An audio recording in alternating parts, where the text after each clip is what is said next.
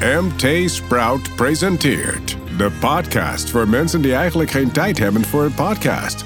Dit is je baan of je leven.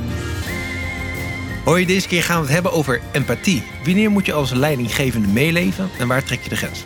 Ik ben Donovan van Heuven. En ik ben Connie de Jonge. Wij geven je iedere week tips over hoe je je baan beter met je privéleven kunt combineren.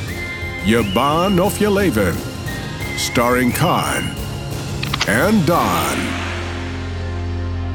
Deze keer kregen we een brief van Annelies. Ze schreef ons over de roep om empathische leiderschap, maar vraagt zich af hoe ver je daar als leidinggevende nou in moet meegaan.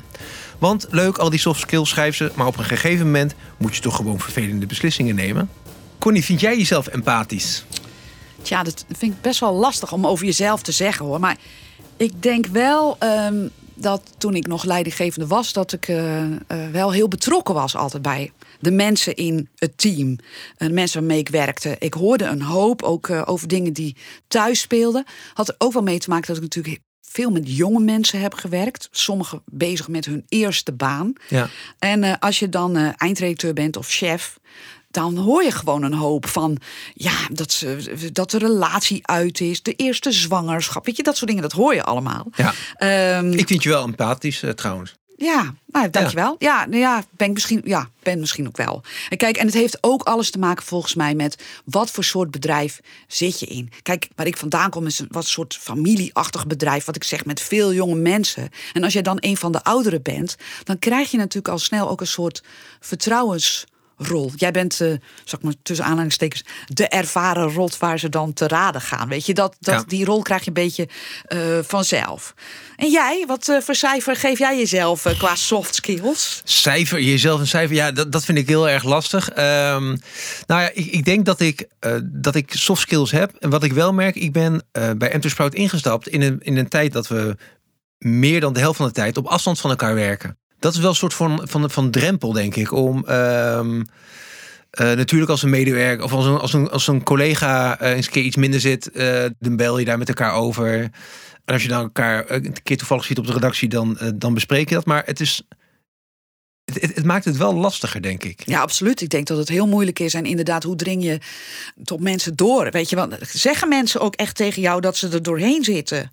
Maar ik- Dat, dat, dat weet ik natuurlijk niet, want ik ben gewoon collega. Ja. Hè, maar ik bedoel, zeggen ze het van ik zit er doorheen en ik zie niet meer zitten om alsmaar vanuit huis te werken. Als mensen het niet zeggen, dan weet je het als leidinggevende natuurlijk ook niet. Nee, nee, klopt. En, en ik denk dat als je bij wijze van vijf dagen in de week met elkaar in dezelfde Ja, ruimte dan zit. merk je het gewoon. Ja, ja, ja. En, nu, nu merk je het ook. eh, misschien later. Maar dan, dan heb je ook veel meer eh, die. die voel je misschien meer die, die ruimte om dat met elkaar te delen. Ja, ja. Je empathie is inmiddels alweer een, een aantal jaren hot in de managementwereld. Waar komt het nou ineens vandaan? Ja, dat is ook eigenlijk niet in één keer. Het is al een tijd gaande. Volgens de Pools-Australische schrijver en denker Roman Krznaric... ik Ja. hoop dat ik het zo goed uitspreek... is het eigenlijk eh, al opgekomen zeg maar, aan het begin van deze eeuw, hè, de 21ste eeuw. Hij zegt, de 20ste eeuw stond in het teken van introspectie. Ja. Dus eh, diep in onszelf kijken op zoek naar geluk. En nu zijn we daar een beetje klaar mee. Dit wordt volgens hem hè, de 21ste eeuw de eeuw van autrospectie. Dus dat is meer bezig zijn met de ander. En dan eh, noemt hij empathie de lijm Voor eh, de mensheid zelfs. Nou, anderen zeggen dat het dan een, logische reactie is op het keiharde kapitalisme en het vrije marktdenken dat de afgelopen decennia overheersend was natuurlijk. Ja, dat vind ik persoonlijk ook eigenlijk best wel een goede logische verklaring hoor. En Ja. Dat harde zakelijke, hè, dat streven naar maximale winst, dat heeft natuurlijk toch niet opgeleverd wat we er in de westerse wereld allemaal van verwacht hadden. Ja. Hè, we hebben twee grote financiële crisis gehad, eh, de war on terror. Eh, en we zitten nu volgens mij. Dat kan je natuurlijk wel met z'n allen gewoon zien. In een periode waarin de slinger weer de andere kant op gaat. Hebt het verlangen naar purpose. Bed- Bedrijven moeten een goed doel hebben. Niet alleen winst najagen. Eh, Roep om vrouwelijk leiderschap. Dat is natuurlijk allemaal, allemaal reactie op wat we gehad hebben. En ja, dus ook de roep om soft skills.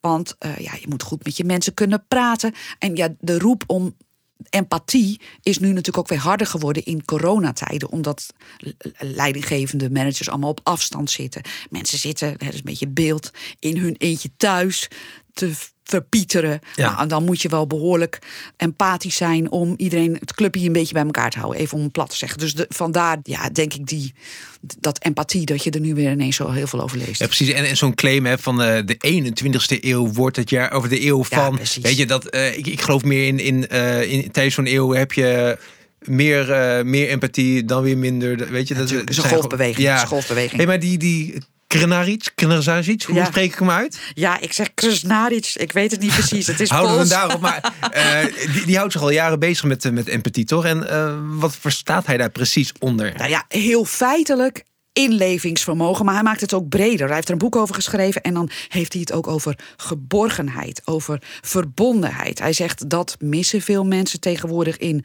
de organisaties waarin ze werken. Maar eh, mensen willen niet alleen gezien worden als human resource, als een getalletje, een poppetje. Heeft hij eerder ook al gezegd trouwens in een interview met MT Sprout. Hij zegt mensen willen als mens gezien en gewaardeerd worden. En nou ja, als leiders empathisch zijn en daar oog voor hebben, dan helpt dat. Ja, maar er zijn natuurlijk ook critici die zeggen dat je als leidinggever niet te veel moet meeleven.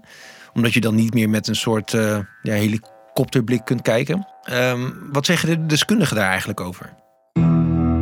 And what zeggen de experts? Ik moet zeggen dat de voorstanders van meer empathie eh, wel echt eh, meer empathie in het bedrijfsleven, zeg ik er dan met nadruk bij, Ja. die zijn nog wel echt eh, dik in de meerderheid eh, hoor. Eh, die zeggen van empathie is belangrijk voor innovatie.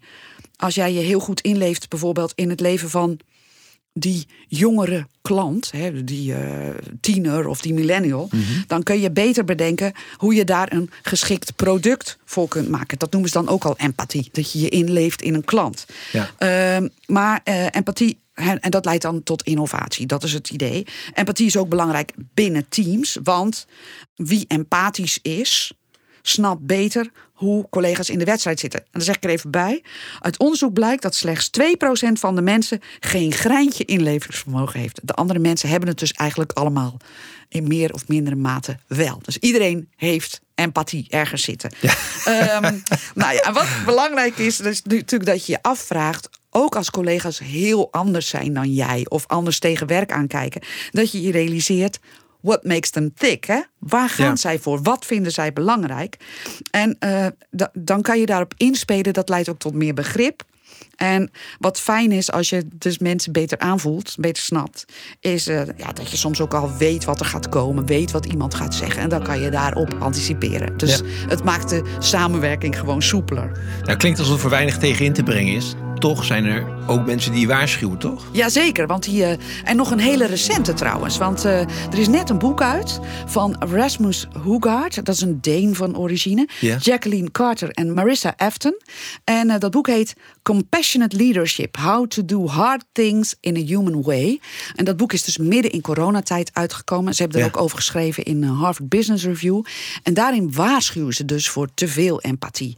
Want zij zeggen in deze coronacrisis managers bijna een soort oppertrooster geworden. Zijn overal, nou ja, laten we de beeldspraak aanhouden, met zakdoekjes bezig om mensen overeind te houden en te troosten. En zij zeggen, maar als je te empathisch bent en als je daar veel te ver in gaat, dan kan je als manager je werk niet meer doen. En iemand die dat volkomen met hen eens is, is oud-topman Paul Polman van Unilever. En Oh. die zegt in dat boek letterlijk: als ik zou leiden met empathie, dan zou ik geen enkele beslissing meer kunnen nemen. Z- Zegt hij ook waarom? Ja, hij zegt empathie gaat te ver. Hij zegt, dan spiegel ik me als het ware aan de emoties van anderen, terwijl ik juist het grotere geheel moet overzien als ik een beslissing neem. Dus ik moet me niet te veel spiegelen in die emoties van andere mensen. Dus je inleven in de werknemer die je moet ontslaan, dat is niet goed. Nou ja, je moet er in ieder geval niet in blijven hangen. Het Nee. moet je er bijvoorbeeld niet van weerhouden om een reorganisatie, reorganisatie door te voeren als dat noodzakelijk is, zegt Polman. En dat zeggen die drie schrijvers op basis van onderzoek ook. Zij zeggen, eh, je moet natuurlijk wel begrip hebben voor de situatie van werknemers, die eenzame thuiswerker of diegene die je misschien uit nood wel moet ontslaan. Maar dat eh, noemen zij compassie tonen. Want zij zeggen, je kunt dan vanuit die compassie meteen doorschakelen naar de actiestand. Je moet er, als het even kan, wat mee doen. Dus niet alleen maar meeleven. Dat is te weinig. Ja, dus eigenlijk een soort van begrensde eh, eh, empathie of zo. Ja. ja, ja. Nou, lijkt me een mooi bruggetje naar de tips. Hoe zorg je dat je als leidinggevende niet doorschiet en je mee laat slepen door de emoties van anderen? How about een paar tips? Ja, tip 1 is toch vooral blijf zoveel mogelijk rationeel kijken. Ja. Eh, natuurlijk raakt het je als een collega eenzaam is. Of eh, omdat iemand al maanden in zijn eentje thuis op een zolderkamertje zit te werken. Of als iemand een naaste verliest door corona. Of eh, als je inderdaad mensen moet laten gaan. Wat natuurlijk veel is gebeurd nu in de horeca, de detailhandel. Omdat je bedrijf gewoon anders ten onder gaat. En, maar ja, je mag al maanden niet open. De kunst is als het ware om dan toch vanuit een soort helikopter naar de situatie te blijven kijken. Je Ja. hangt er als het ware boven. En dat maakt ook dat je actie kunt ondernemen. Hè? Want dan, dan kan je zien van, oh, maar dit kan ik doen, dat kan ik doen. Als je alleen maar meevoelt, dan kan dat je blikveld vertroebelen. Dat is eigenlijk hun, eh, hun verhaal. Ja, ja, dat is makkelijker gezegd dan, eh, dan gedaan natuurlijk. Want als je te veel afstand neemt, dan ben je al snel een coole kikker natuurlijk. Ja. Dus je moet je emoties ook niet uitschakelen. Hè? Dat zeggen ze niet. Eh, je mag best vertellen en laten zien dat je het er moeilijk mee hebt. Eh, maar, zeggen ze, eh, die Hoegaard en zijn collega's... ehm, een leider zon- zonder empathie is als een motor zonder bougie. Vond ik ook heel mooi beeld. Ja, Nog één keer, mensen nog weten- één keer, nog één keer. Een leider zonder empathie is als een motor zonder bougie. Oké. Want dat essentiële vonkje, Ja. dat heb je ook nodig. Willen medewerkers jou volgen? Dus je moet wel gevoel tonen, je moet wel em- empathie hebben. Maar er zit inderdaad een grens aan. Tip 2. Vraag wat iemand nodig heeft. Soms voelen mensen zich alleen al gesterkt doordat jij die vraag stelt. Ja. Vaak is dat al genoeg. Dat je vraagt wat heb je nodig. En nou ja, eh, de vraag stellen, dan krijg je ook een antwoord en dan weet je misschien ook hoe je ze kunt helpen. Dan kan je in actie komen. Nog meer? Ja, realiseer je dat niets doen ook een optie is. Soms zijn medewerkers al blij dat er alleen al naar ze wordt geluisterd. Ja, en, eh, en, en, en een leider heeft misschien al snel de neiging om in een soort actiestand te schieten. Je kunt ook inderdaad te snel allerlei dingen gaan regelen... terwijl iemand daar misschien wel helemaal niet op zit te wachten. Dat hij gewoon blij is dat je gewoon even luistert. Ehm, wat ik ook een mooie vind, die hoort daar wel, misschien wel een beetje bij... geef het goede voorbeeld. Want als jij goed voor jezelf zorgt... gezond leeft, geregeld pauzes neemt... niet zit te verpieteren op die zolderkamer... maar wel naar buiten gaat en Ja. contact zoekt met mensen... Nou ja, dan zien mensen, eh, dan ben je een goed voorbeeld. Mensen durven dan ook een beroep op je te doen, want je kunt het hebben, hè, dat straal je dan ook uit. Ehm, dan zijn mensen niet bang dat ze overvragen. Ook ook wel mooi. Ja. Hey, wat is wat jou betreft nou de allerbeste tip? And what is the million dollar tip? Beste vond ik, coach je mensen. Zorg dat ze zich ontwikkelen, dat ze eh, veel mensen in het bedrijf leren kennen, hè, ehm, zeggen die Hoegaard en zijn mede-auteurs. Want als je ze goed gecoacht hebt, dan zitten ze niet te verpieteren op die zolderkamer. Dan kennen ze mensen. Geldt zeker voor nieuwkomers. Hè. Zorg dat ze Ja. goed landen, dat ze goed ingeburgerd raken. En wat zij ook zeggen, als je mensen goed in hun vel zitten, dan hebben ze jou als leidinggevende misschien ook wel helemaal niet nodig. Want dan kunnen ze misschien gewoon naar een collega, naar iemand anders, als de dingen niet gaan zoals gepland. Als je, dan heb je ze zeg maar gesterkt. Dat is Ja. heel belangrijk. Eh, ja, dat, dat, dat is eigenlijk ook leiderschap. Dat je dat voor elkaar krijgt in je team. Jezelf overbodig maken? Ja. Dat lijkt me een mooie million dollar tip. Dat was hem dan, Connie. Tot zover deze aflevering van Je Baan of Je Leven. Annelies, dankjewel voor je mail. En hopelijk kun je een beetje uit de voeten met onze tip. Heb je nou ook een vraag of een kwestie die je graag eens behandeld zou zien? Mail dan naar Je Baan of Je Leven, allemaal aan elkaar, at mtsprout.nl. Tot de volgende keer. Hoi! Dit was Je Baan of Je Leven. Een podcast van MT Sprout in samenwerking met voicebooking.com. Voor meer afleveringen klik op volgen in je favoriete podcast app. Heb je zelf een onderwerp waar we over moeten praten? Mail dan naar Je Baan of Je Leven at mtsprout.nl. Till next time, you better listen.